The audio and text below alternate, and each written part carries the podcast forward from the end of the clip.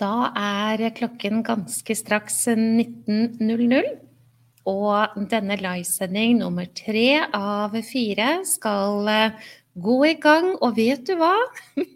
Jeg må nesten le litt, men allerede da jeg hadde avsluttet sendingen, bare kort tid etter, jeg avsluttet på mandag for to dager siden, så tenkte jeg åh, kunne bare ha fortsatt. Det er altså så moro å få lov å dele med deg, og spesielt fordi det er så stort engasjement i kommentarfeltet. Hei, Marte, så hyggelig å se. Du er kjapt inne, og da kan jeg få vite Namaste, Lise. Hyggelig. Fortell meg, kjære damer, om um, lyd og bilde er OK i dag òg. Bergen er inne her. Hei, Evy. Og hei, Audhild. Så hyggelig. Får jeg bare en tommel opp eller noe på at uh, lyd og bilde er OK, så slipper jeg å tenke mer på det. Da uh, fra Hamar er det en som skriver så hyggelig. Og Vinje, hei. Da vet jeg hvem du er, mest sannsynlig. Det er um, antageligvis én av to. og jeg ser du står som Facebook-user. Lyd og bilde er OK. Ja, men det er bra. Perfekt, er det en som skriver. Lyd og bilde er bra. Herlig. Da satser vi på det er noe med å gjøre litt sånn og litt sånn, og ha tillit til at uh, dette med teknikken, vet du, at det står og spir, er ikke alltid det, men uh, stort sett så går det bra. Og så er det jo ikke noe jeg får gjort med det fra eller til. Når jeg nå først har koblet meg på, så blir det, blir det som det blir. Og det er noe med Altså Apropos dette med å finne veien til ro, så er man nødt til å begynne å ta eierskap til også det jeg sa der. Hei, Merete, så hyggelig. Toril. Hei, Toril. Å, så bra.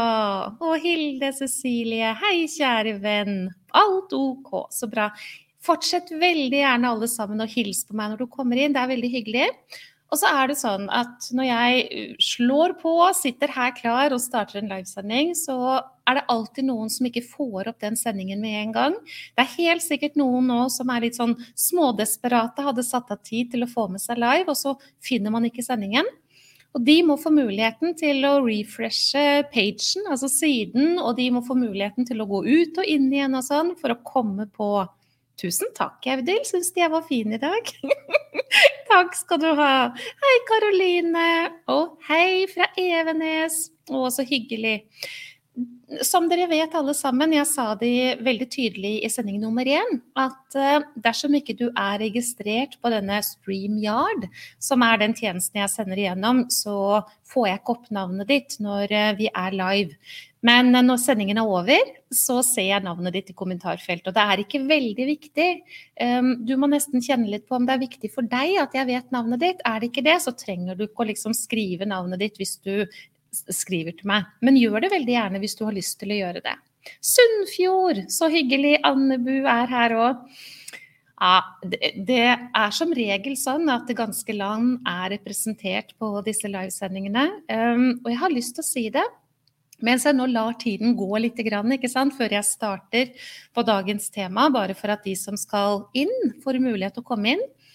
Um, så har jeg lyst til å si en ting. Jeg har uh, hatt noen livesendinger gjennom årene hvor jeg har fått lov å hjelpe mange mennesker. Og det gjør jeg jo fordi at det viktigste for meg ved å ha livesendinger, det er selvfølgelig å lære deg noen ting. Jeg er helt overbevist om at eh, kunnskap er kilden til forståelse og innsikten som vi trenger. Det er jeg helt sikker på.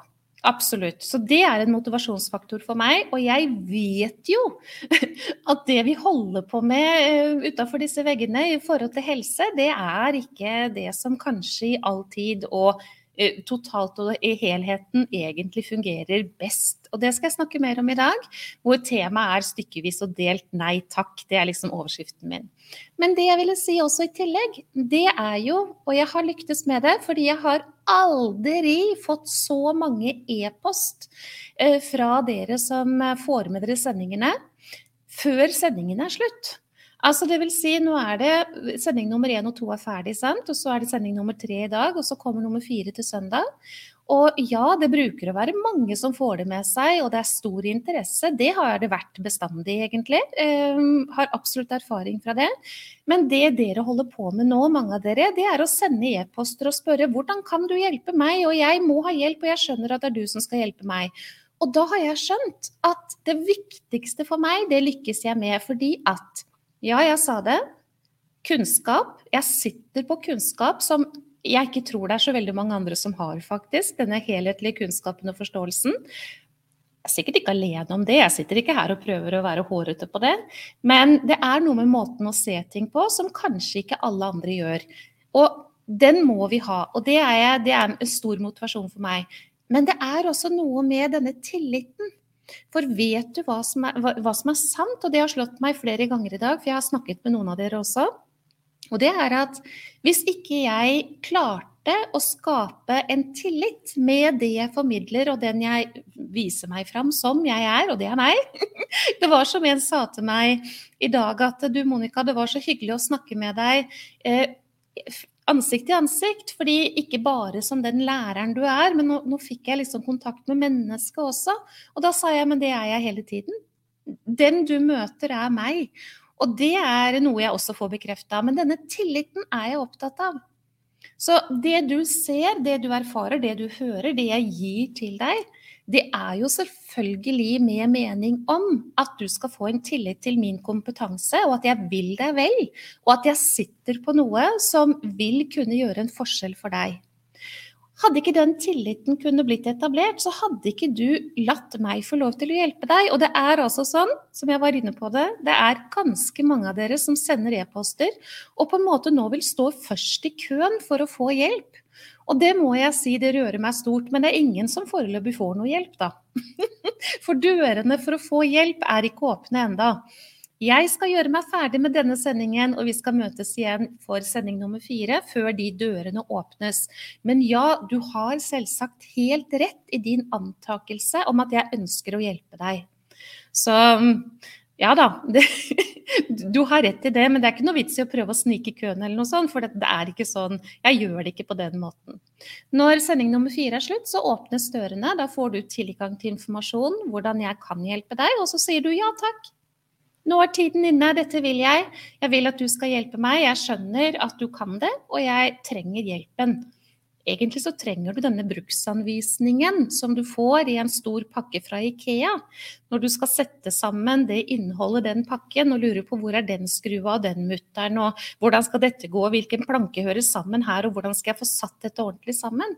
Det trenger du, og det er jeg veldig god på å hjelpe deg med, da i forhold til at du skal ta vare på deg selv. Hvis eh, dette, denne pakka fra Ikea er å ha indre ro, å ha glede, å ha energi, bo i en best mulig kropp, kunne ha et godt liv egentlig, med livskraft og kvalitet, det er jo egentlig det vi snakker om, så sitter jeg på bruksanvisningen og verktøyet og alt sammen, så vi bare kan sette dette i hop, og så kan vi jobbe med det til vi kommer i mål. Og så står liksom innholdet i denne pakka klar på et eller annet tidspunkt.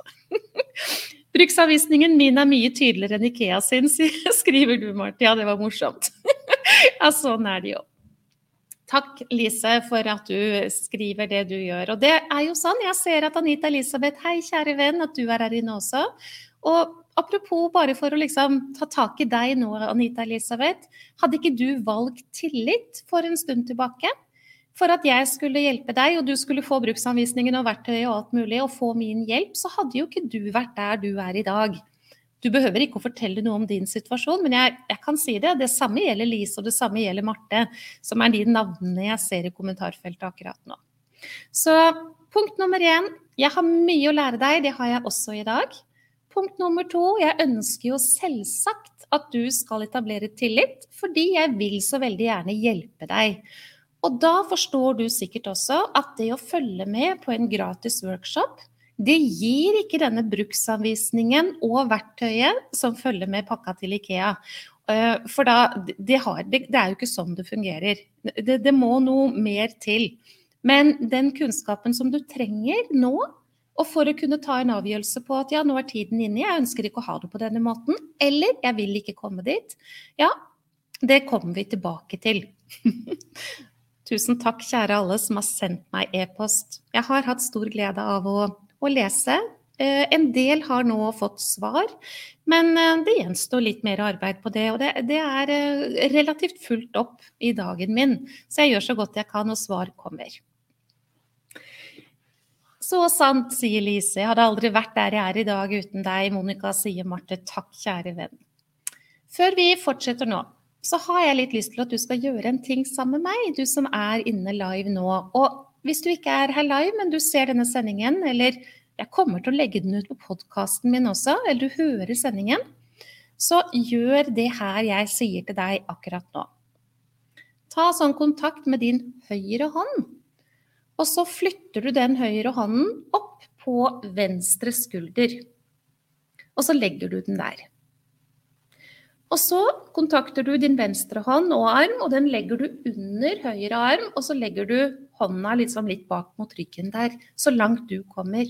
Det, det er helt greit der hvor du kommer. Og hvis det er greit for nakken din, så tar du også hviler hodet. Ta Slipp hodet fremover, ta bøy i nakken. Så vil jeg bare at du skal, hvis det er ålreit for deg å gjøre det akkurat nå, at du bare kan lukke øynene litt. Hvile hodet, lukke øynene. Og så kjenner du litt etter hvordan det er å holde rundt deg selv. Rett og slett gi deg selv en god og varm klem. En klem som trøster. En klem som er medfølende.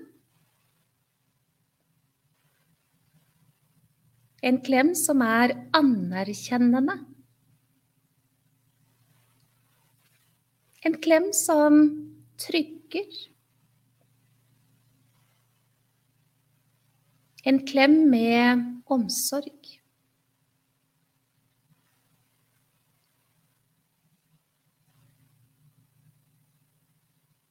Fordi du fortjener det. Og antageligvis så kan du kjenne deg igjen i at du trenger det også. At du trenger å trygge deg selv istedenfor å skremme deg selv. At du trenger å løfte deg selv og være raus og god og varm og støttende. At du trenger omsorg. Og det blir aldri nok omsorg fra utenfor deg selv. Det er egenomsorgen som må på plass. Og det er tryggheten i deg som må på plass.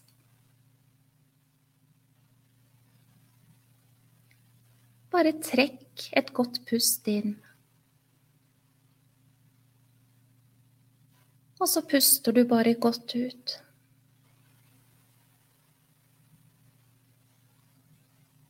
Puster inn på nytt.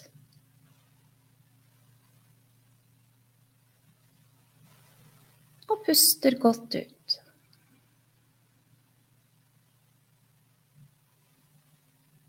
Så trekker du pusten en gang til.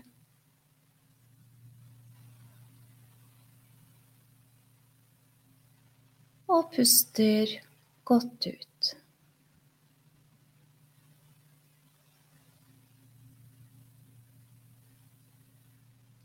Så bare løfter du opp hodet hvis du hadde bøyd det, og lukker opp øynene og slipper ned armene og kommer tilbake til meg, du som følger live nå eller i opptak.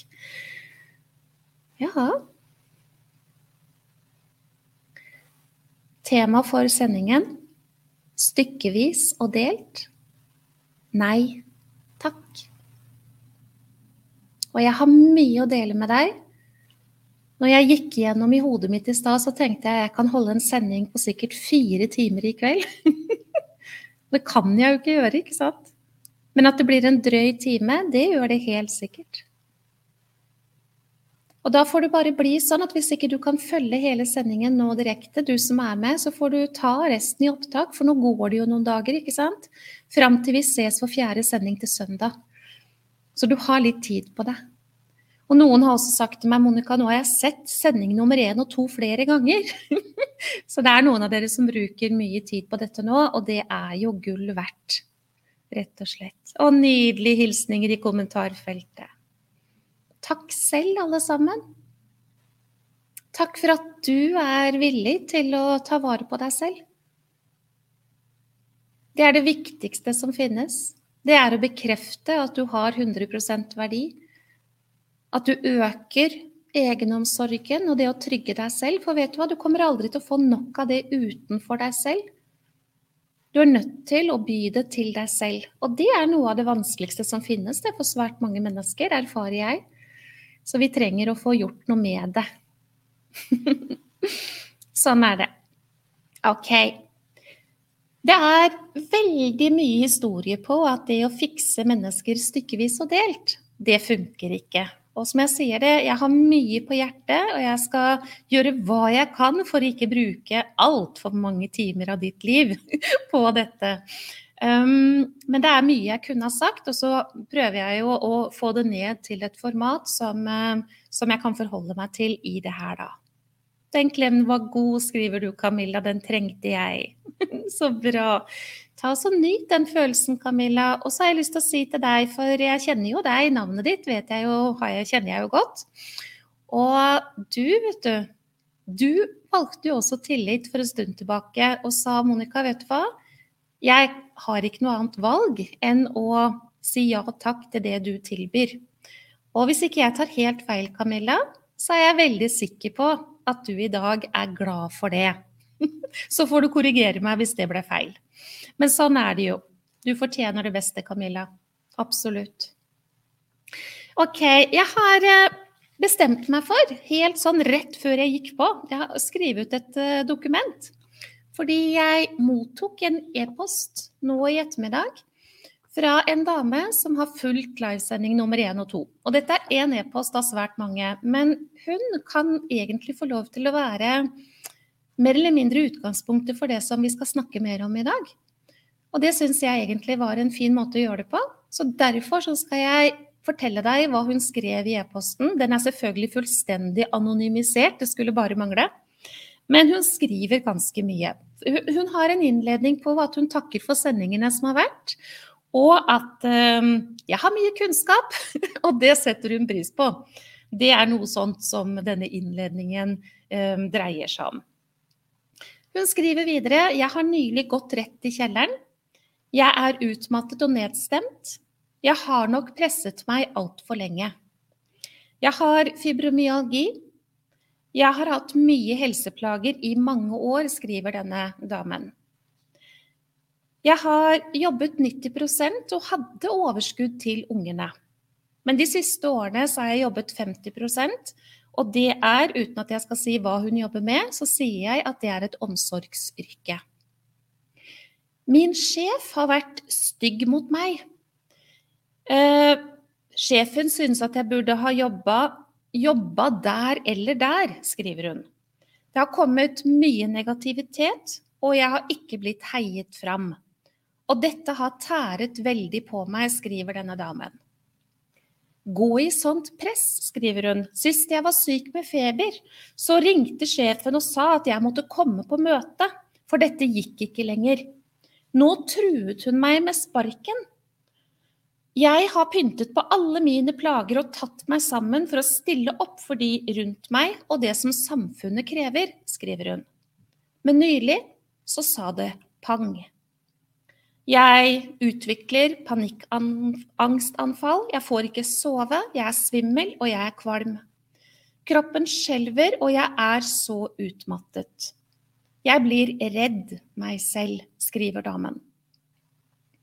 Hvem av dere som eh, er her inne nå, kan kjenne dere igjen i noe av dette? Allerede nå vil jeg tro det er mange som kan si 'dette kjenner jeg meg noe igjen i', eller alt, egentlig. Å, Evy, så nydelig! Å, det var godt. Det er flere som fikk noen tårer i møte med denne klemmen innledningsvis. Så deilig. Takk for at dere deler. OK, jeg fortsetter. Eh, vedkommende skriver altså at alle disse symptomene gjør at hun blir redd seg selv. Legen sa nå stopp. ikke mer jobb på deg. Og i hvert fall ikke på et år. Den glade og positive jenta som jeg en gang var, var aktiv og livsglad.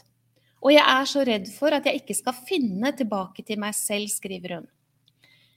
Jeg drukner i alle webinarer og kurs på nett, men er redd for å ikke klare å gjennomføre og betale mye penger for dette. Og så spør du etter noen tips, da. ja. Her er jeg nå. Jeg er med voldsomme ryggsmerter, jeg har nakke- og hodepine, jeg er helt utslitt, og dette er et sted jeg ikke vil være på. Hvordan skal jeg finne tilbake? Jeg bare gråter og sitter helt apatisk, og jeg finner liksom ikke ro. Samtidig så er jeg så utslitt. Kom igjen, dere. Hvor mange av dere kjenner dere igjen i dette her nå? Nå byr dere på. Jeg er sikker på det er mange som kan si at dette kjenner jeg meg så godt igjen i. Det er sterkt det hun deler, skriver Marte. Mange sier 'kjenner meg igjen', 'kjenner meg igjen'. Ja, og jeg, jeg, tenker at eh, jeg gir denne damen nå en stor gave, fordi hun føler jo at hun befinner seg på et sted som er veldig ensomt. Og det at dere skriver, det vil gi henne noen ting. For hun følger med, det er jeg helt sikker på, enten hun ser nå direkte eller i opptak. Så hun får med seg dette. Kjære damen, du som sendte denne e-posten. Du er der som du har sørget for å komme gjennom mange år uten å vite om det, kjære venn. Jeg fortsetter litt til.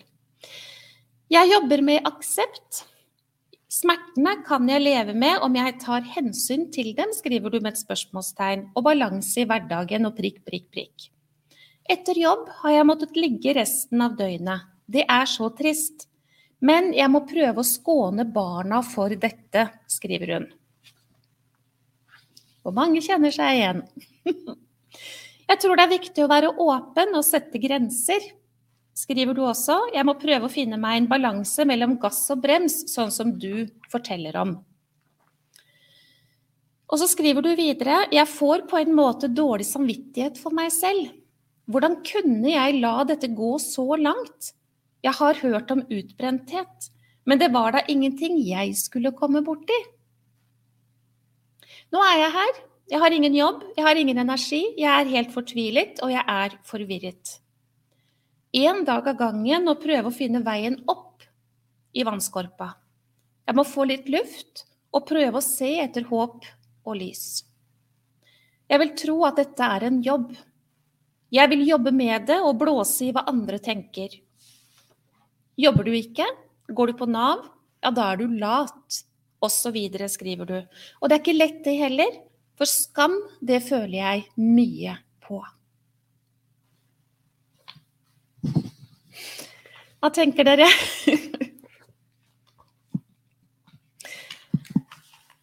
For å si det sånn, kjære du som sendte denne e-posten.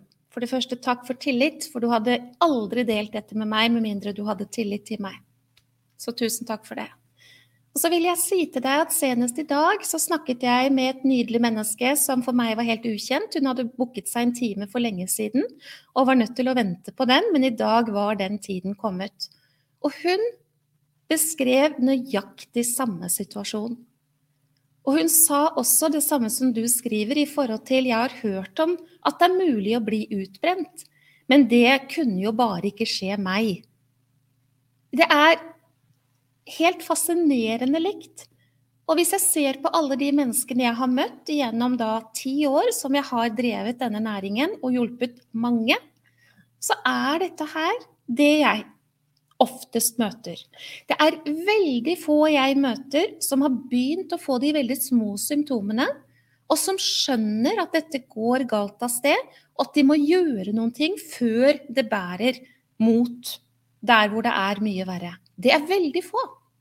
Og det er ganske fascinerende hvordan denne mekanismen i oss, denne blindheten, døvheten og denne viljen til å kjøre over oss selv, bare fortsetter og fortsetter, og vi kan holde på i mange år. Nå vet ikke jeg hvor gammel du er som skrev den e-posten, men hun jeg snakket med i dag, hun var i begynnelsen av 60-årene. Hun har altså brukt veldig mange tiår på å komme der hvor hun nå er utbrent. Selv så brukte jeg 39 år for å komme dit, og hva, hvor gammel du er vet jeg som sagt ikke, men dette er veldig vanlig. Så for å si det kort De som kommer til meg som er mye yngre, la oss si de er i 20-årene, da er det nesten så jeg tar happy dance for de menneskene som har skjønt at de symptomene jeg har nå Jeg føler meg nedstemt. Jeg kjenner at jeg begynner å få litt angst. Det er, jeg driver og begrenser livet mitt. Jeg har hjertebank, jeg har noen smerter. Jeg skjønner at dette er muskulært. Det må være stress som gjør dette. Jeg har hodepine, det må være stress som gjør det.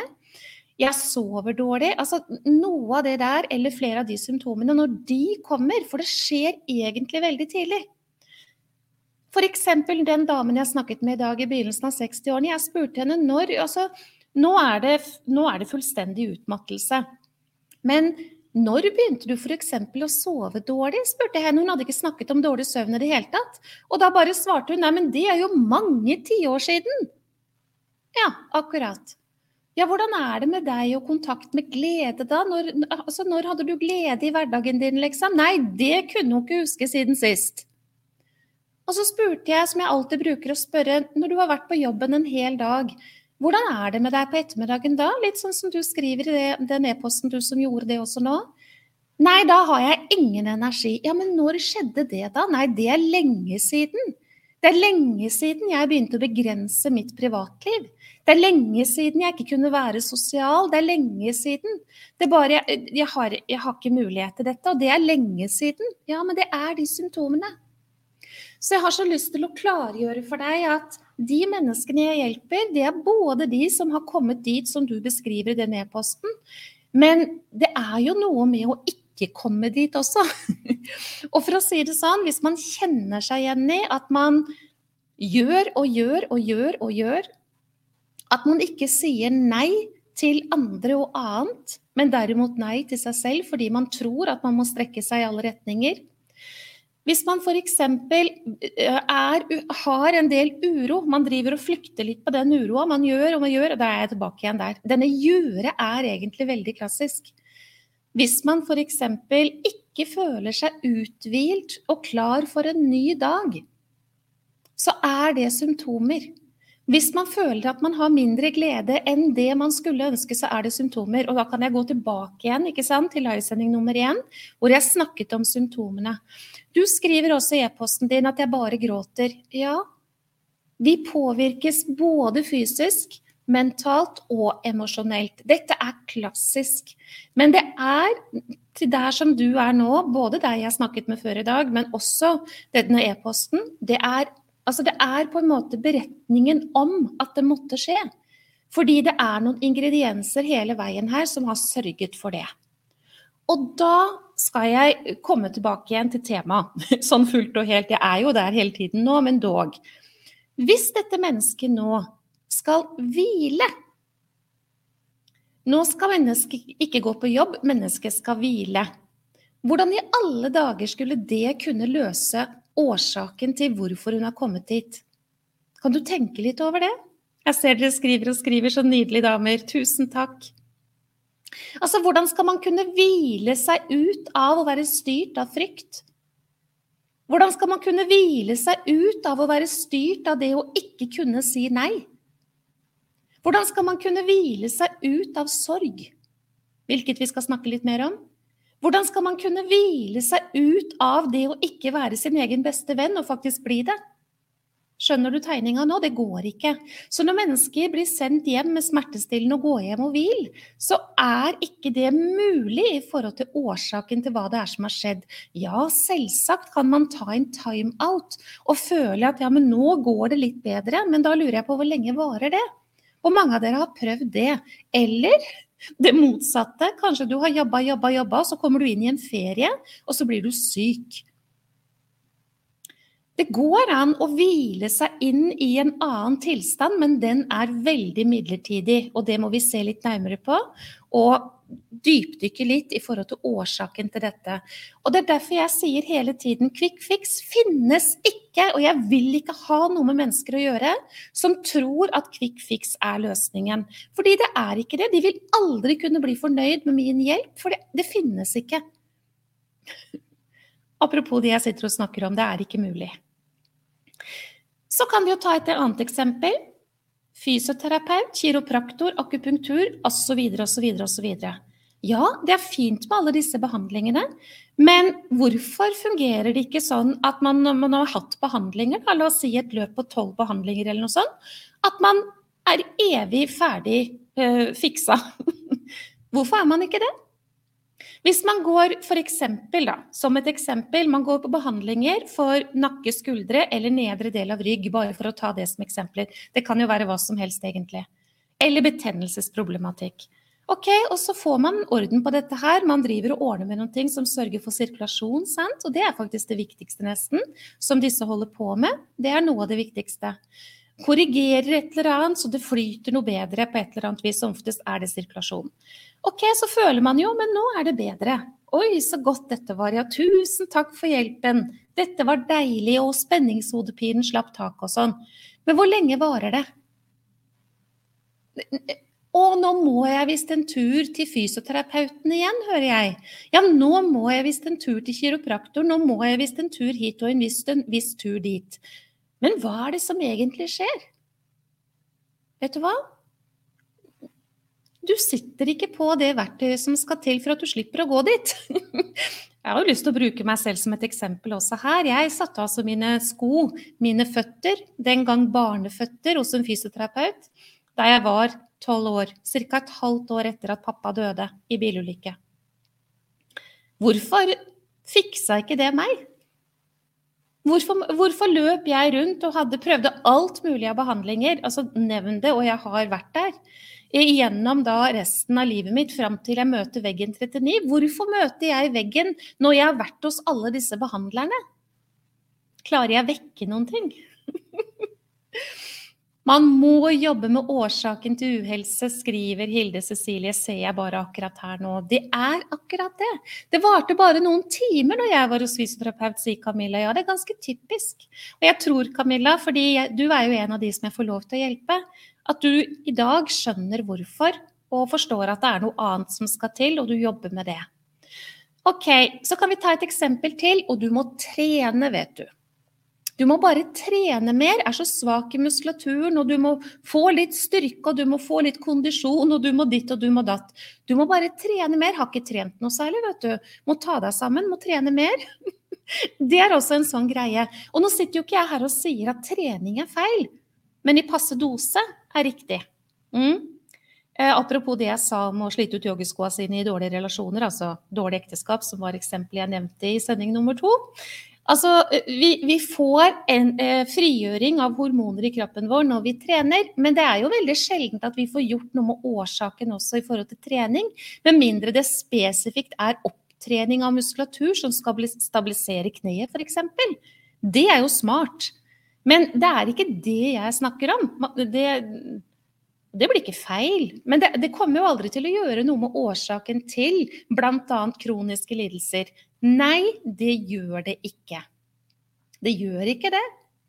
Og Noe av det verste jeg hører, eh, og som jeg, som jeg, blir ordentlig berørt av, det er alle de menneskene jeg snakker med som sier jeg fikk, fikk beskjed om å gå hjem og slappe av. Men hvordan skal man slappe av når hodet er stappet fullt av bekymringer? Hvordan kommer dette til å gå? De liker ikke meg. Nav, nå får jeg problemer med Nav. Hvordan skal det gå på neste møte? Alle de andre tror jeg er lat. Jeg får ikke til det som samfunnet krever. Jeg klarer ikke det som jeg skulle ha klart. Jeg får ikke dette til. Jeg er ikke god nok. Alle andre klarer, men jeg klarer det ikke. Hvis man sitter der hjemme i godstolen og skal hvile og ha den type tanke i hodet, så er det en helt umulighet å ha en hvile i det der. Og det er ganske typisk for mennesker som får beskjed om nå må du gå hjem og slappe av. Nå må du ta det med ro en stund. Nå tar vi bort livsområdet arbeid, hvilket kan være fornuftig. Det virkelig. Eh, når man har gått på veggen, så må man jo det, men det kan være fornuftig tidligere også, egentlig. Men hvis man ikke bruker muligheten da til de timene i døgnet man får disponibelt til å jobbe med seg selv, altså finne frem bruksanvisningen og skrutrekkeren og alt dette her som er i IKEA-pakka, ikke sant, så har det jo egentlig ingenting for seg. Det blir bare en timeout. Og så er man tilbake igjen i det samme. Og da kommer jo symptomene tilbake, hvis de har vært mulig å slippe litt taket på. Når det gjelder utmattelsesproblematikk, utbrenthet, så tar det mer enn to ukers sykemelding, for å si det sånn. Man regner ganske lang tid på det. Men det er jo mest fordi at man gir jo ikke pasienten et effektivt verktøy. Det verktøyet må være helhetlig, og det består av flere deler. Man må bl.a. foreta seg noe som setter foten på bremsepedalen, hvilket jeg snakket litt om sist også. Og så må man gjøre noe med det som er stressorder. Og bare det å finne stressordene, det å forstå hvilke stressord man selv har, ja, det er ganske utfordrende. Og uten hjelp til det der, så går ikke det.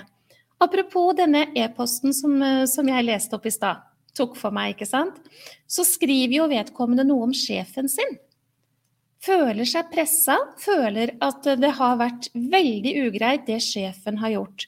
Hvor mye stress tror du ligger i det?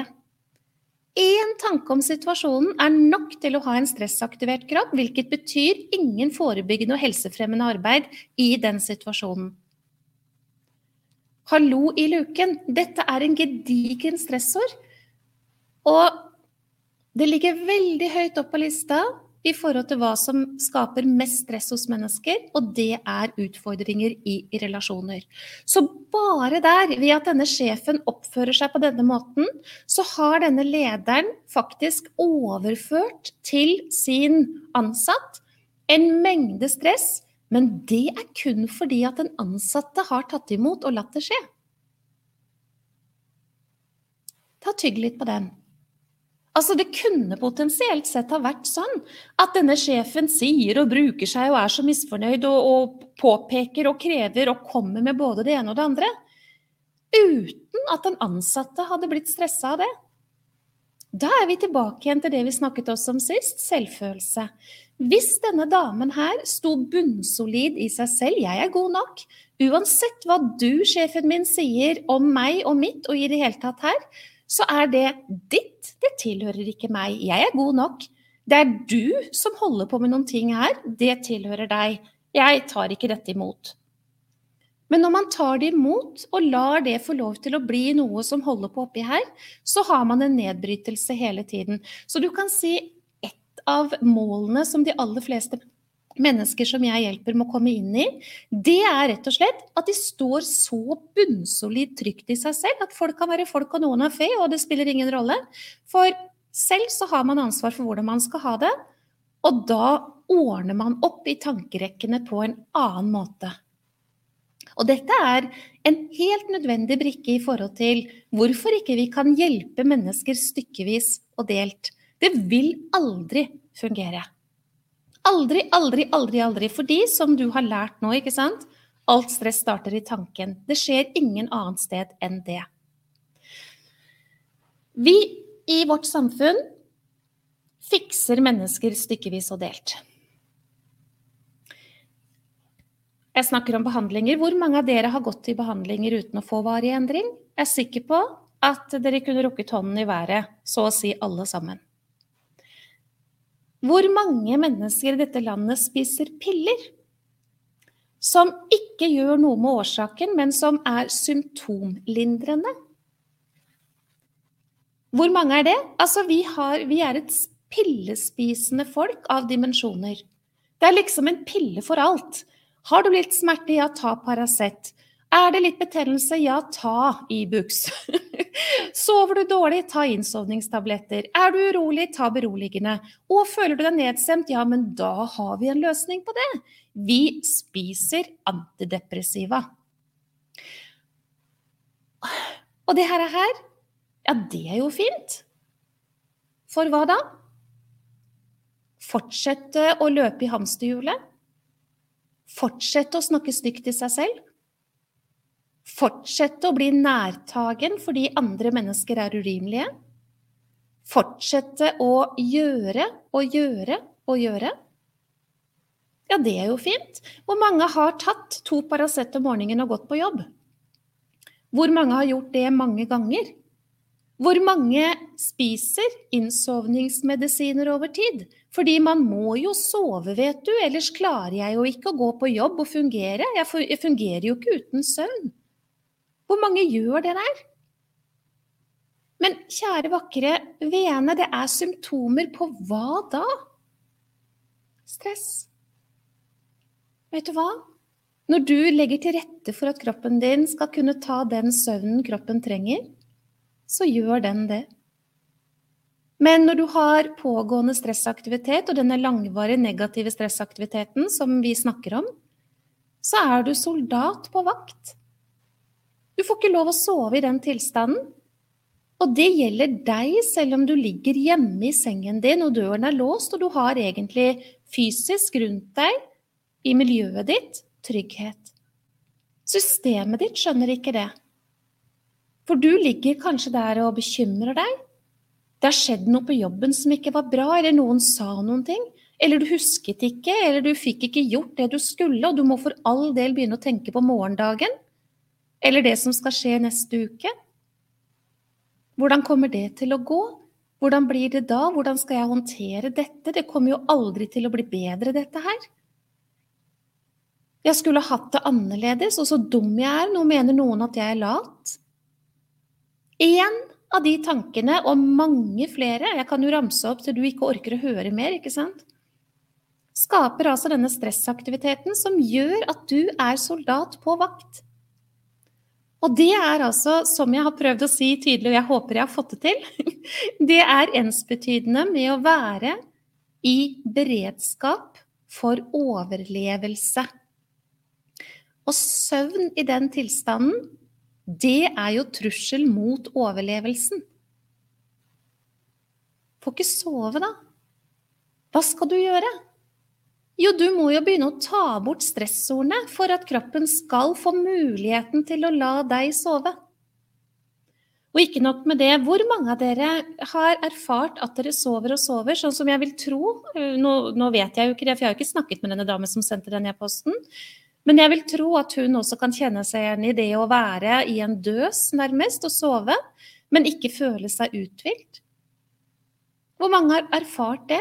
Vet du hvorfor? Fordi at når vi skal ha en opplevelse av å føle oss uthvilte, så må vi ha en passe doseproduksjon av veksthormoner. Og det er bare det at når vi har stress pågående, så er stresshormonene prioritert i hormonsystemet. Alle andre hormoner er nedprioritert, også i forhold til immunforsvaret vårt, hvilket gjør at vi får et nedsatt immunforsvar over tid. Så når ikke vi har produksjon av veksthormoner til tross for at vi sover og sover og sover Det gjorde jeg til tider i dette halve året jeg lå mer eller mindre i senga. Jeg var jo helt amøbe, men jeg var jo aldri restituert. Og det var jo fordi at selv om jeg da lå der i en døs og opplevde også å sove, så hadde jeg pågående indre stress. Og prioritering da av adrenalin og noradrenalin og kortisol, og ikke prioritering av da veksthormoner. Et annet eksempel man kunne ha snakket om i så måte, er jo dette med seksuell lyst. Det er ikke så veldig mange mennesker som beholder sin lyst når man har langvarig negativt stress. Og det gjelder både kvinner og menn. Oh, det får meg til å, å, gå litt ut på vidden her, men jeg tenker hvilken skam som kan være forbundet til det, kanskje spesielt hos menn, som mister lysten på en måte. Det kan jo sikkert også være for kvinner, det er ganske fortvilende.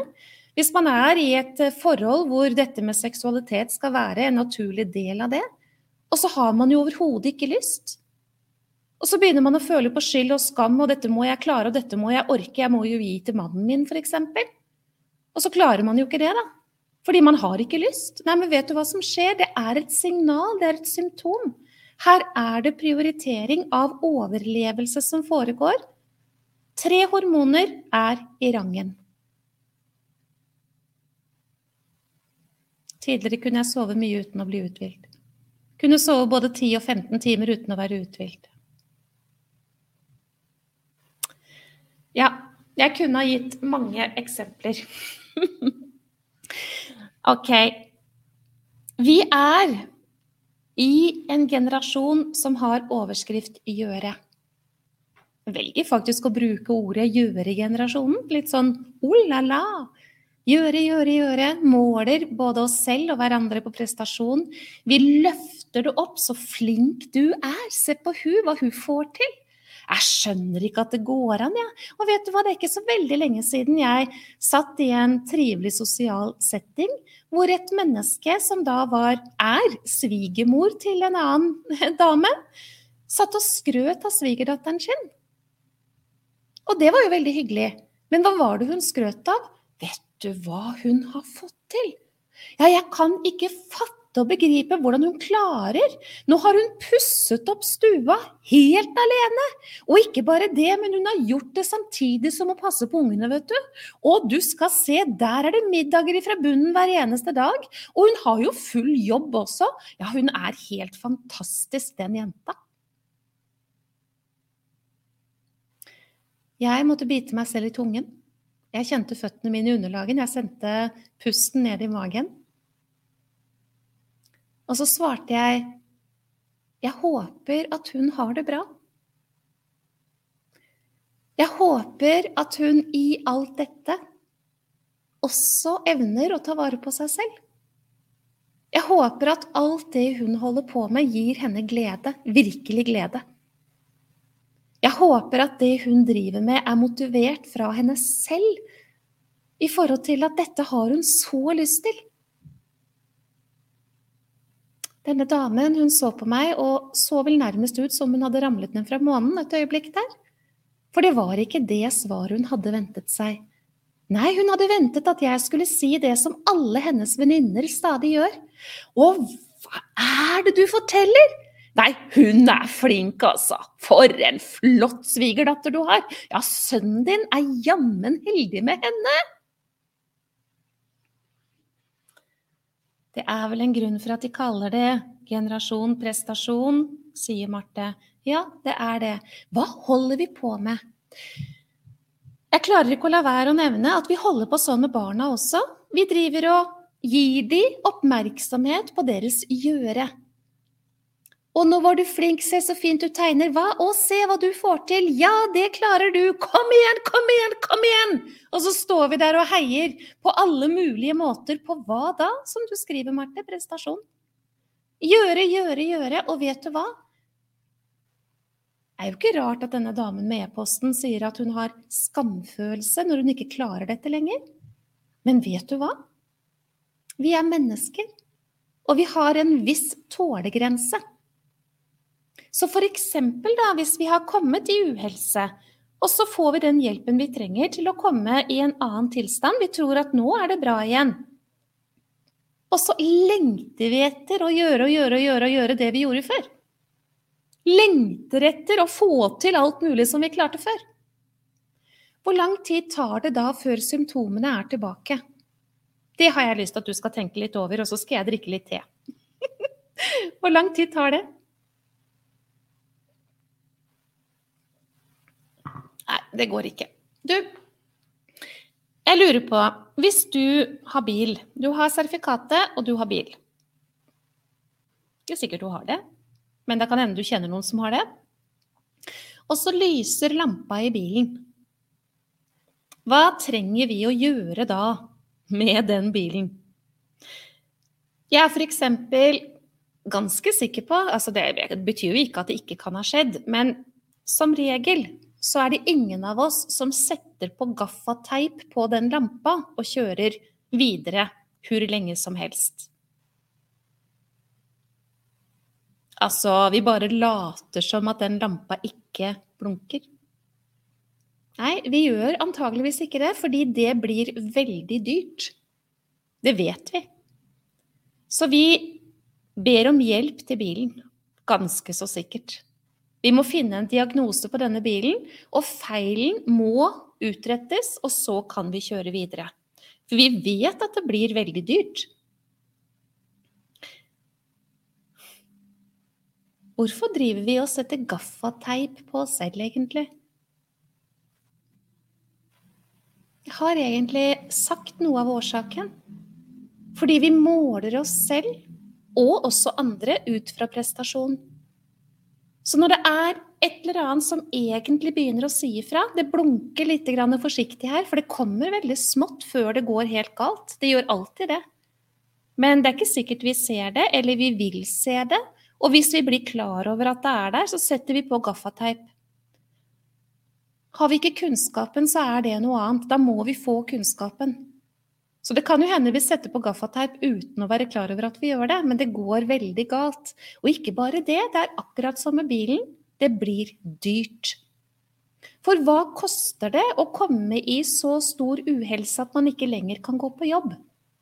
Og måtte Gud forby at man ikke klarer å komme tilbake full jobb før man skal over på arbeidsavklaringspenger. Hva koster det? Og hvis vi snakker om økonomi, ja, så er jo det én ting, og det koster veldig, veldig dyrt. Men det koster også dyrt i forhold til relasjoner. For vi klarer ikke lenger å følge opp, ikke sant? Så vi må, vi blir tvunget til å sette noen grenser som vi har vært grenseløse på tidligere. Det kan koste vennskap. Det kan også meget vel koste f.eks. fritid. Det er ikke lenger mulig å finne på noe hyggelig, verken i forhold til økonomien, som slår inn her etter hvert, men heller ikke i forhold til energien. Så hva koster det egentlig å sette på gaffateip? Eller å ha kommet dit hvor den gaffateipen har vært på så lenge at bilen har faktisk stoppa? Det er det her det handler om. Hvis vi f.eks. da bruker gaffateip i forhold til å ta piller Nå sier ikke jeg at det aldri skal bli tatt piller, misforstå meg rett. Men smertestillende, innsovningstabletter, antidepressiva, beroligende piller, det er skummelt. Fordi det er gaffateip. Det gjør ingenting med årsaken, og det gir oss en mulighet til å kjøre videre. Og da er vi jo trygge, for da holder vi bare på med det som er trygt for oss. Vi slipper å sette grenser. Vi gjør og gjør og gjør og gjør. Vi løper enda litt til, ikke sant? Og vi tar den når vi holder på i det hele tatt. Vi bare fortsetter. Og så kan det jo hende vi løper innom, da. Fysioterapeuten må få ordna opp litt grann disse vondtene. eller kiropraktoren, eller et eller annet. Ja, så holder vi det gående litt til. Setter bare på litt mer teip. Og jeg er ikke så overrasket over at dette skjer hele tiden. Jeg gjorde det jo selv. Selv når jeg var utdannet sykepleier, så gjorde jeg jo det. Man skulle jo tro at jeg visste bedre. Nei, jeg gjorde ikke det. Det var ingenting jeg hadde lært som kunne fortelle meg det. Jeg skjønte ikke dette her. Jeg var mer enn villig til å sette gaffateip på både det ene og det andre jeg, for å fortsette å kjøre over meg selv. Og da er jeg ved kjernen. Da er vi tilbake igjen til denne selvfølelsen som faktisk er avgjørende for det jeg snakker om. Så hvorfor kan vi ikke fikse mennesker stykkevis og delt? Nei, fordi den frykten som mennesker blir styrt av når man har en lav selvfølelse, den vil kjøre det mennesket til skogs så fort den har muligheten igjen. Og da håper jeg du har fått med deg sant, at dette har jo med stress å gjøre. Det kommer her. Og de tankene som du tror på, som kommer her, av disse 65 000-85 000 tankene som jeg snakket om det, ikke sant? Det er de som er avgjørende for hva som skjer i din fysiske kropp, og i forhold til sinnet ditt, og i forhold til emosjonene dine. Så det går altså ikke.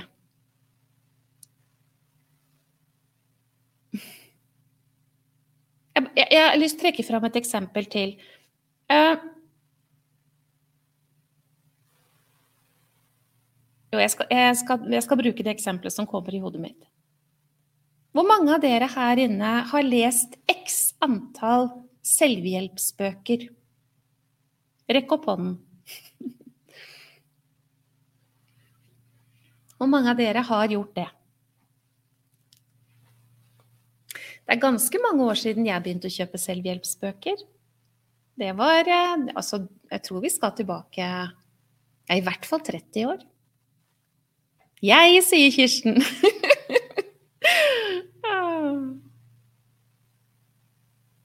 Hadde jeg vært en bil den gangen jeg møtte veggen, hadde jeg blitt skrota, sier Marte. Ja, at Ja, her rekkes det opp hånden. Mange selvhjelpsbøker.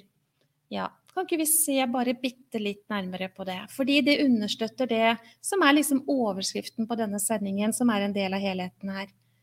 Stykkevis og delt? Nei takk, det funker ikke. Hvorfor har ikke det å lese selvhjelpsbøker hjulpet deg, da? Hvorfor er det ikke det som liksom har gjort susen? Skulle ikke du ha lært noen ting da, og skapt endringer ved å lese de selvhjelpsbøkene? Er det ikke sånn? vet du hva, egentlig så kan du spare pengene dine heretter. For jeg tror, uten at jeg liksom kan si at sånn er det, men i min tankeforestilling så er det sånn at veldig mange av de som skriver selvhjelpsbøker, og jeg har for mange år siden tenkt da jeg startet næringen for ti år siden, så tenkte jeg jeg skal skrive bok. Jeg er helt sikker på at jeg skal skrive bok. Tenker det fremdeles, egentlig, men jeg har ikke fått tid til å skrive den boka, for jeg har hatt så mye å gjøre i ti år. Velger heller å hjelpe mennesker på den måten jeg får lov til. Også fordi jeg tror at veldig mange av de som skriver selvhjelpsbøker, de gjør det for å tiltrekke seg klienter. For å tiltrekke seg mennesker som vil ha hjelpen deres. Og det er jo for så vidt greit nok, da. For de vet jo egentlig at den boka ikke vil gjøre forskjell. Nei. Forklaringen på hvorfor det å lese den boka neppe gjør særlig forskjell, det er det jeg snakket om i forrige sending med disse dype sporene, husker du? Disse pregingene som etser seg inn i oss, spesielt fra 0 til 12 år. Det er ikke Det å lese den boka gir ikke de nøklene. Jeg har brukt mye penger på det, er det en som skriver. Ja. Det har veldig mange av oss gjort. Og det, det, det finnes hyllemeter på hyllemeter på hyllemeter. Men hvorfor hjelper det ikke menneskene? Hvorfor skal det stadig komme nye selvhjelpsbøker på dette markedet? Nei, det ligger ikke de nøklene som skal til i de bøkene.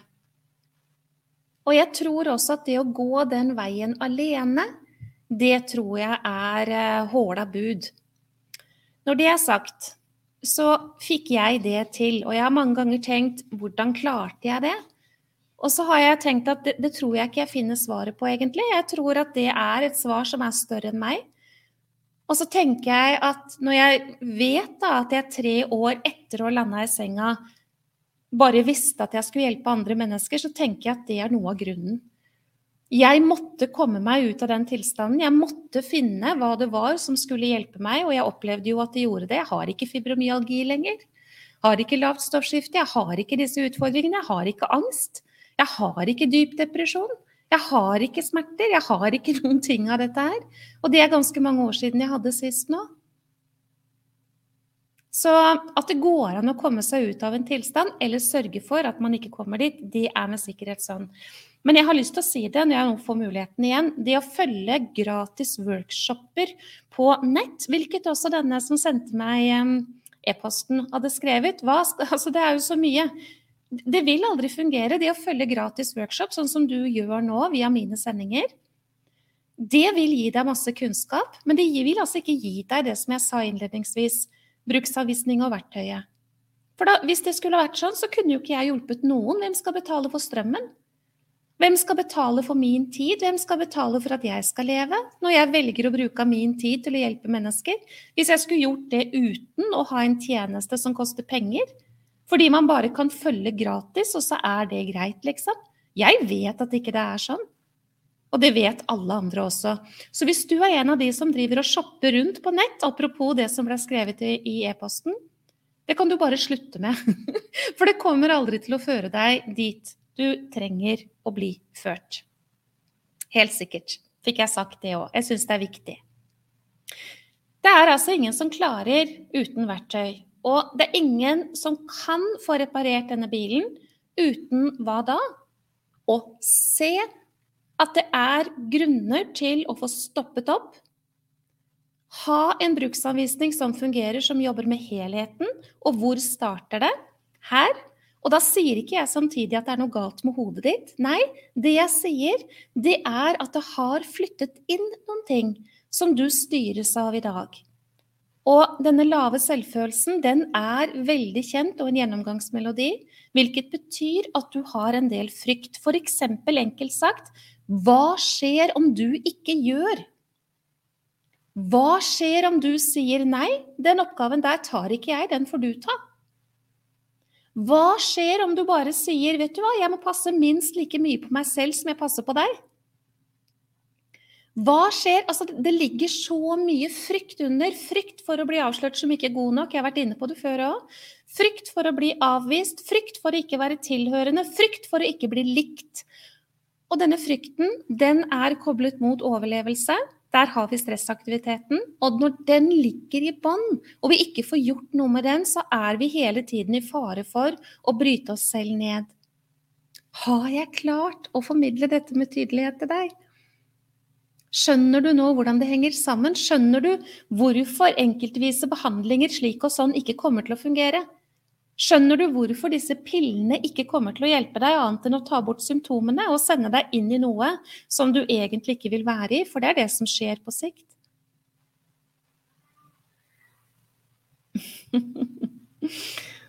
ja. Hvorfor har et menneske smerter, da, Hvorfor å dvele litt ved et av de typiske symptomene? Jo, det var det noradrenalinet som sørget for, en av de tre stresshormonene, som gjør at kroppen blir anspent i all muskulatur. Og som mange av dere vet, de store musklene våre de tåler mye anspenthet, dvs. Si anspenthet over lang tid. Men de små musklene tåler det ikke. F.eks. nakke, skuldre, kjeve. Ganske typisk som et problemområde ganske tidlig i prosessen. Smerte, smerte, smerte. Hvordan skal man få bort smerte hvis smerten er knyttet til sorg, og man ikke gjør noe med sorgen? Vet du forresten hva sorg er? Jeg har lyst til å spørre deg om det, og mange av dere vet det. Sorg, det er alt som ikke ble som det skulle. Hvor mye har du av det i livet ditt? Hvor mye har du trodd og håpet og hatt forventninger om, hatt ønsker og drømmer om, som ikke ble som det skulle? Eller livshendelser som skjedde, som absolutt ikke skulle inntreffe? Og som slo deg kanskje over ende også når det skjedde det? Sorg, det er en stor stressord, med mindre den føres til aksept. Og i vår tid så er vi veldig trent på å tenke sorg som tap av nære kjære. Og vi vet jo at mennesker som blir sittende fast i den type sorg, ja, de får det ikke godt. Det tror jeg mange kan kjenne seg igjen i, eller si ja, jeg kjenner noen som er der. De dveler ved noe, og det, det bryter dem ned. De blir syke av det. Men den type sorg, det å miste noen nære og kjære, hvilket er selvfølgelig sorg, det må vi anerkjenne. Vi må, vi må, jobbe med den. Sorgprosesser det må få lov til å ta tid også. Men det er ikke det eneste. Det er alt som ikke ble som det skulle. Og vet du hva? Sorg har oppsamlingsplasser i kroppen når de ikke blir ført til aksept. Eksempel kan sorg ligge i hofter og i nederste del av rygg. Sorg kan også ligge over brystet og i brystryggen inn under skulderbladene, ganske typisk, apropos meg selv. Den kniven som var der, vet du, det var annet sorg. Og når jeg skjønte at barnet Monica, som mistet pappaen sin da hun var elleve år, og alle andre var lettet over at han gikk ut av tiden, og jeg opplevde å miste han som to ganger hadde vist meg kjærlighet, og ikke bli møtt på det. Det skulle ikke engang snakkes om. Jeg gikk på skolen. Dette skjedde jo da eh, en tidlig lørdag. 4.9. i 1982. Det sto i alle landets aviser også. Jeg gikk på skolen på mandag med melding i meldingsboka. Monica har mistet pappaen sin i helgen. Og det var det. Var det noen som spurte? Var det noen som lurte på hvordan det gikk med meg? Og det var som jeg sa det, hvis denne fysioterapeuten, som gjorde jobben sin da jeg kom dit da jeg var tolv år, la på varmepakninger og begynte å massere, vet du, og i det hele tatt Hvis den fysioterapeuten hadde spurt Hvordan har du det egentlig? Hva tenker du på? Hva er du opptatt av? Har det skjedd noe spesielt i livet ditt? Nå i ny tid? Nå ca. for et halvt år siden, for det er ganske typisk, faktisk så hadde det kanskje blitt annerledes. Eller det hadde nok blitt annerledes. Fordi jeg ville følt at jeg ble møtt og sett og hørt og forstått, hvilket er av enorm betydning i en sånn prosess.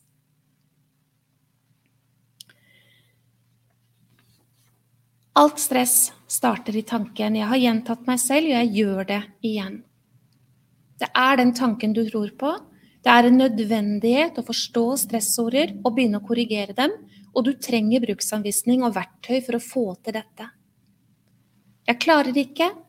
Jeg får ikke til, jeg er ikke god nok, jeg må, jeg må bare, jeg bør. Jeg er lat om ikke. Jeg er ikke sånn jeg burde være. Jeg burde ha vært annerledes. Jeg burde ha sett annerledes ut. Jeg burde ha oppført meg annerledes.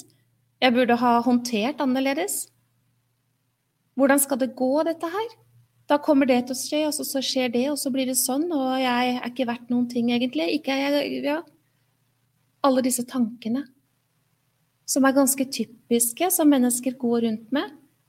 Det kan være sammenligningstanker også. Det er veldig typisk å drive og sammenligne seg med andre. Eller tanker hvor du er tankeleser. Du tror at du vet hva andre mennesker tenker. Tenker sikkert sånn om meg. Hvor mange kan kjenne seg igjen i det? Er ikke sånn. Skal jeg fortelle deg noen ting? Det gjør jeg jo hele tiden. De fleste mennesker de er mest opptatt av seg selv.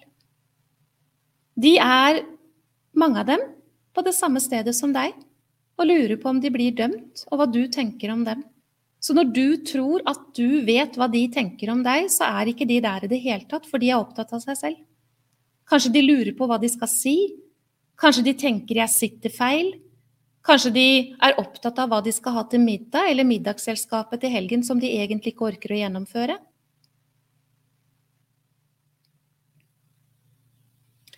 Kroppen går altså, som du har forstått, inn i stressmobilisering. Absolutt alle prosesser i kroppen blir satt i beredskap for overlevelse. Jeg vet at jeg prøver å være tydelig, fordi jeg erfarer at selv om mennesker hører hva jeg sier, så skjønner de ikke hva jeg sier. Det er ikke fordi de er dumme, men fordi at man tenker ikke at det gjelder meg, da. Det gjelder vel andre. Er det merkelig at kroppen min skal være i overlevelsesberedskap når jeg sitter hjemme i sofaen og tenker på hva jeg skulle ha gjort?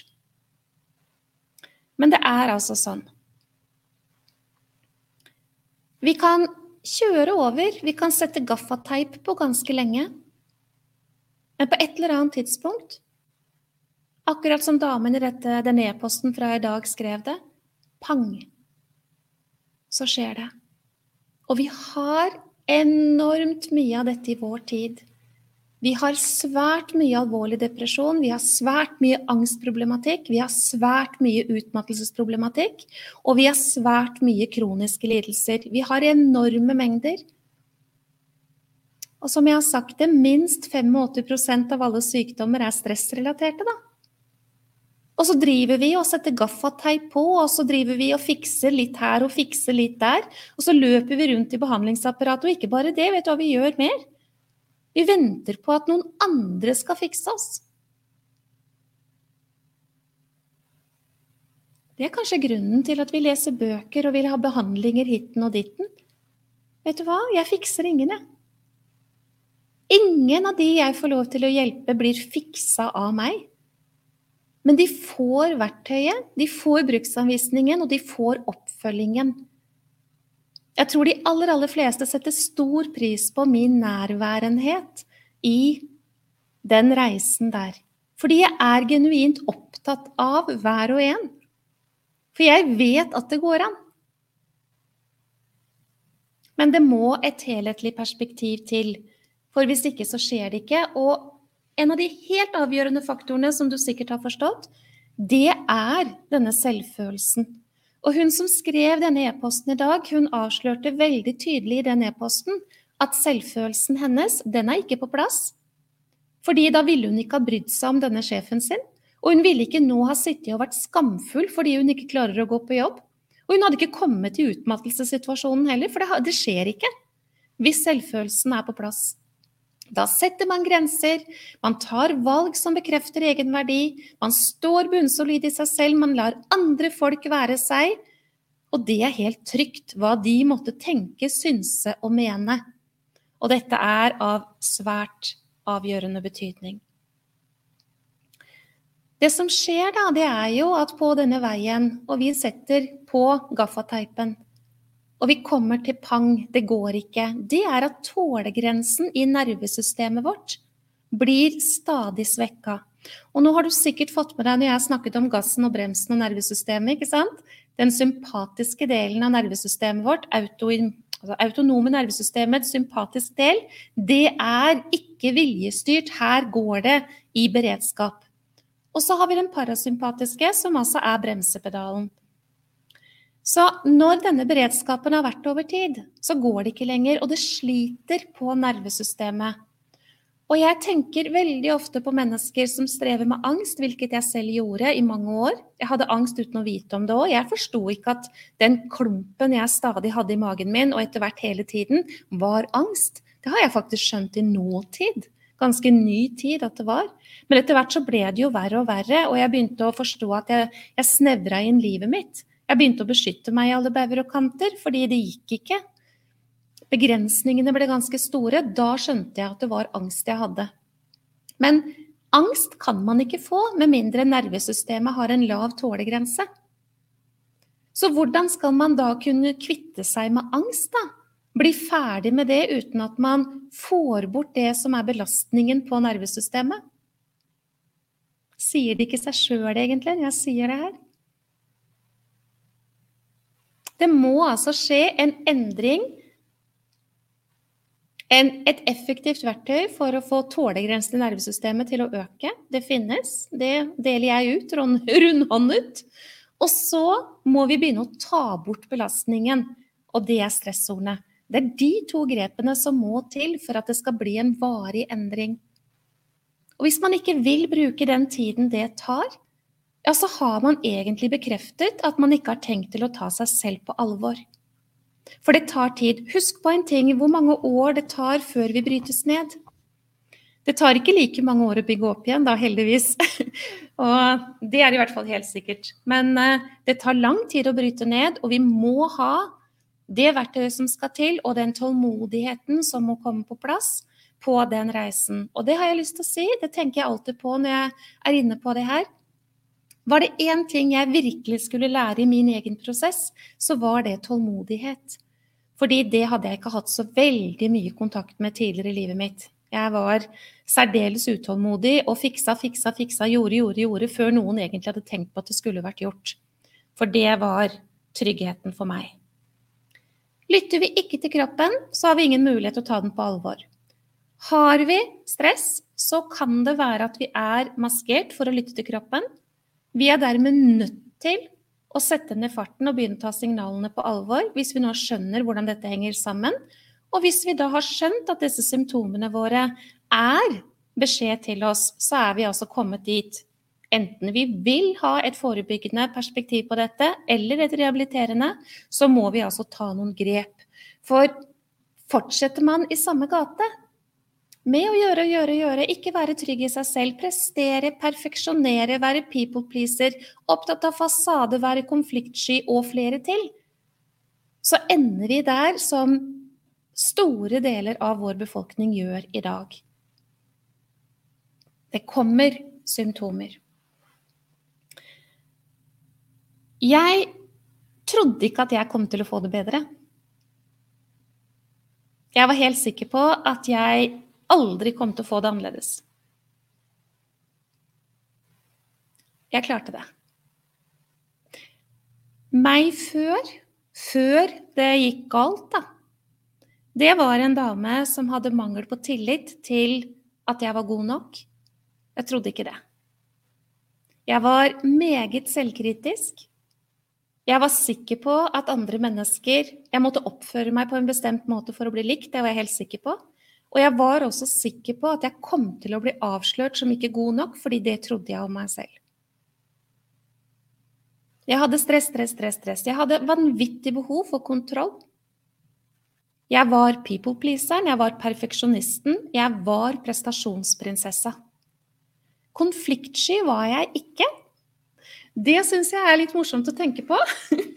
Men jeg har jo skjønt når jeg har gått liksom litt eh, eh, grundigere til verks, at jeg var det i en del situasjoner. Men var det noe som fikk meg til å ta bladet fra munnen, så var det det jeg opplevde som urettferdig.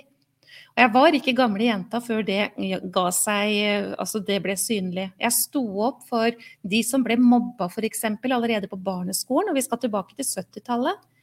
Jeg var syv år når jeg sto på rektors kontor på eget initiativ og fortalte at det var mobbing i klassen, og at, at læreren vår Frøken, hun var urettferdig. så det trigga meg veldig. Så konfliktsky den, den, på den måten vi tenker konfliktskyhet, det hadde jeg ikke.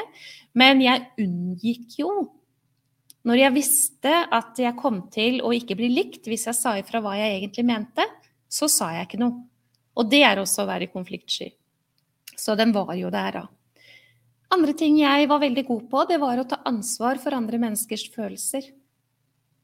Jeg var helt sikker på at når noen var lei seg, så måtte jeg rydde opp i det. Og jeg var helt sikker på at i sosiale settinger så var det mitt ansvar at alle hadde det hyggelig. Så jeg holdt på og holdt på og holdt på. Hadde jo ikke noe kose av det selv. Jeg ikke, hadde, jo ikke, hadde jo ikke hyggelig selv, men uh, jeg sørget jo for det. Og så sammenlignet jeg meg med alle andre, og jeg fant meg alltid selv som ikke spesielt verdifull i forhold til andre mennesker. Jeg gjorde ikke nok, jeg var ikke pen nok, jeg var ikke flink nok. Det så ikke bra nok ut, jeg var ikke utdanna nok, jeg var ikke ditt, jeg var ikke datt. Veldig typisk. I tillegg til det så syns jeg relasjoner var veldig utfordrende. Og jeg hadde ikke tilgitt moren min. Jeg gikk i veldig, veldig mange år og sa det at det går da bare ikke an å ikke elske sitt barn. Hun burde ha gjort, hun burde ha forstått, hun burde ha ditt og datt. Og det er ikke forenlig hvis man skal tenke stress. I dag, og det som måtte til her, da, det var å få meg et sted hvor jeg ble stående i 100% god nok i sannheten om at jeg har denne verdien. I dag så sammenligner jeg meg ikke med noen. Jeg setter grenser med letthet. Jeg har stadig en oppsummering i meg selv i forhold til om jeg gir minst like mye til meg selv som jeg gir til andre. Jeg kunne ikke bry meg om hva andre mennesker syns og mener og tenker. Alvorlig talt, jeg gjør ikke det. Hadde noen sagt til meg at det gikk an å komme dit, hadde jeg aldri trodd på det. Jeg kunne kommet med mange historier til deg som hadde forklart hva jeg egentlig sier. Men det handler om historier hvor mennesker som jeg ikke klarte å være i nærheten av fordi det gjorde så vondt å være der. Jeg var helt sikker på at jeg kom til å bli snakka stygt til, eller noen kom til å se rart på meg, eller noen hadde sagt noen ting som jeg ble lei meg for. I dag så kommer det ingen reaksjon i det hele tatt i nærheten av de menneskene. Men i mange år så måtte jeg, valgte jeg å ikke utsette meg for å møte det. Fordi det var så veldig, veldig vondt. Og så er det en viktig ting som jeg har gjort, og som jeg vet må til på denne reisen, og det er rett og slett å ta plass i mitt eget hjerte. Det er en måte å si det på. Vi har så lett for å invitere alt og alle inn i vårt eget hjerte. Vi tar omsorg for den og skal passe på den og bryr oss om den, og vi bryr oss og bryr oss og bryr oss om. Og ja, vi skal være medreisende i andre menneskers liv. Men det er nå engang sånn at skal man holde balansen selv, så må man ha vilje til å ta den største plassen i eget hjerte. Og for å få til alt dette her, da, så må man altså ha den bruksanvisningen som jeg snakket om. Sånn er det. Tenk deg det, nå er klokka allerede 2017. Og dere har skrevet masse. Jeg opplever at det er vanskelig å ha en god selvfølelse som sykmeldt. Kirsten, vet du, den sykmeldinga di har ingenting med din verdi å gjøre. Du trenger å komme dit hvor du står så solid i deg selv at uh, du har 100% verdi til tross for at du er sykmeldt. Men det er en vei å gå, Kirsten. Og det skjer ikke ved at jeg sier det på den måten. Det bare vekker noen ting hos deg, og så har du en jobb å gjøre i forhold til det. Det å være sin egen beste venn er jo en nøkkel i dette her. Det er steg nummer tre i forhold til de fire nødvendige steg til indre ro. Men når jeg sier det å være sin egen beste venn, hvordan kommer man dit da? Det må man faktisk få en bruksanvisning og verktøy og alt for å kunne få kommet dit. Jeg skal bare så vidt bla meg litt sånn full fres igjennom kommentarfeltet og se om det er noe jeg skal, eh, skal svare på. Jeg ser at mange av dere har lagt igjen kommentarer, men jeg kan ikke i full fres nå se om det er eh, noen spørsmål. Du er velkommen til å stille meg spørsmål hvis du ønsker å gjøre det. Absolutt. Uh, gjør det, og hvis du ser sendingen i opptak, så fortell meg også at du har gjort det. Det setter jeg veldig stor pris på. Jeg, jeg syns det er nydelig å ha kontakt med dere, og det er derfor jeg bruker så mye av min tid også på å gjøre det. Så det at du skriver noen ting til meg, det er veldig hyggelig. Jeg setter pris på det. Tusen takk, kjære alle dere som har valgt å legge igjen anbefalinger i kommentarfeltet. Dere vet jo og det at dere deler og sier, det vil mest sannsynlig gjøre forskjell for noen der ute som lurer på om de skal fortsette å shoppe gratis workshop på nettet. og lete i skuffer og skap på alle mulige måter, og fortsette å hjelpe seg selv stykkevis og delt, hvilket aldri vil fungere. Er det forskjell på medieyoga og yin-yoga? Ja, det er det. Og da spør du en lærer eh, Jeg er lærer i både medieyoga og yin-yoga og kan svare deg ja, det er stor forskjell på medieyoga og yin-yoga. Det er det. Jeg avslutter der, men jeg er veldig klar for neste sending. Men den kommer jo ikke før til søndag klokka 19. Da skal du få møte ett menneske av veldig mange mennesker som kunne ha sagt at jo, jeg vil dele.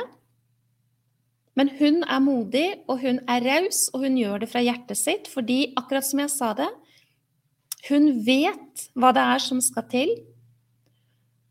Hun har prøvd alt. Vært på et sted hvor vi ikke ønsker at noen skal være, og er på et helt annet sted i dag. Og hennes motivasjon ligger jo i å fortelle de menneskene som lurer på er det mulig å få det annerledes, og hva skal jeg gjøre, eh, at dere skjønner at det er hjelp å få. Så til søndagen så trekker jeg inn noen tråder. Samler sammen. Det blir jo den avsluttende sendingen i Fire steg til indre ro, denne workshopen. Og så skal jeg møte denne damen på direkten, og vi skal snakke litt sammen. Hun vil helt sikkert dele noe fra sin historie som vil gjøre noe for deg. Og altså, hvor var hun før, og hvor er hun nå? Og hva er det som har skjedd på denne veien, og hvorfor har denne veien blitt til? Jeg vet at det berører og rører, og jeg vet at det også er til inspirasjon og motivasjon for andre. Og så har jeg lyst til å si, som jeg har sagt, men jeg bare gjentar det også, husk på det at dette verktøyet som finnes, det er et fantastisk verktøy, både forebyggende og rehabiliterende. Hvorfor skal denne bilen brase så inn i veggen så den er skrot, før vi gjør noen ting? Hvis du kjenner deg igjen i mindre glede, hvis du kjenner deg igjen i utfordringen med søvn på et eller annet vis, hvis du kjenner deg igjen i at ikke du er restituert, hvis du kjenner deg igjen i at ikke du har tilstrekkelig energi gjennom dagen din, hvis du kjenner deg igjen i smerter hit og dit, litt til og fra, og kanskje litt konstant også, hodepine, dårlig fordøyelse, hvis du kjenner deg igjen i nærtagenhet, sårbarhet, utrygghet i deg selv, kjenner deg igjen i tankekaos, tankekjør, massevis av greier oppe i toppetasjen, hvis du kjenner deg igjen i noe av det jeg har snakket om, men du kjenner deg ikke igjen i utmattelsen, dette braset inn i veggen, kan ikke du gi deg selv en mulighet for å unngå å komme dit? For vi er ferdige, vi, altså. Vi er ferdige. Det er akkurat som at vi vi skal tvinges inn i en endring. Det vi vil ha sagt til en vi er glad i, nå må du passe på deg selv, sier vi. Kanskje du skal roe litt ned nå? Kanskje du ikke skal jobbe så mye? Kanskje du ikke skal bake den tiende kaka? Sier vi. Og så gjør vi akkurat det samme selv. Fordi det er akkurat som at alle andre er mye mer viktig. Alle de gode rådene du har til andre, de er jo nydelige, sant? Men det er akkurat som at de ikke gjelder deg, og det handler om selvfølelse. Og dette er sterke mekanismer. Håper å se deg for fjerde sending. Er det noe, så bare spør. Og sender du e-post, jeg leser alt, og jeg kommer også til å svare, det bare tar litt tid. ha det.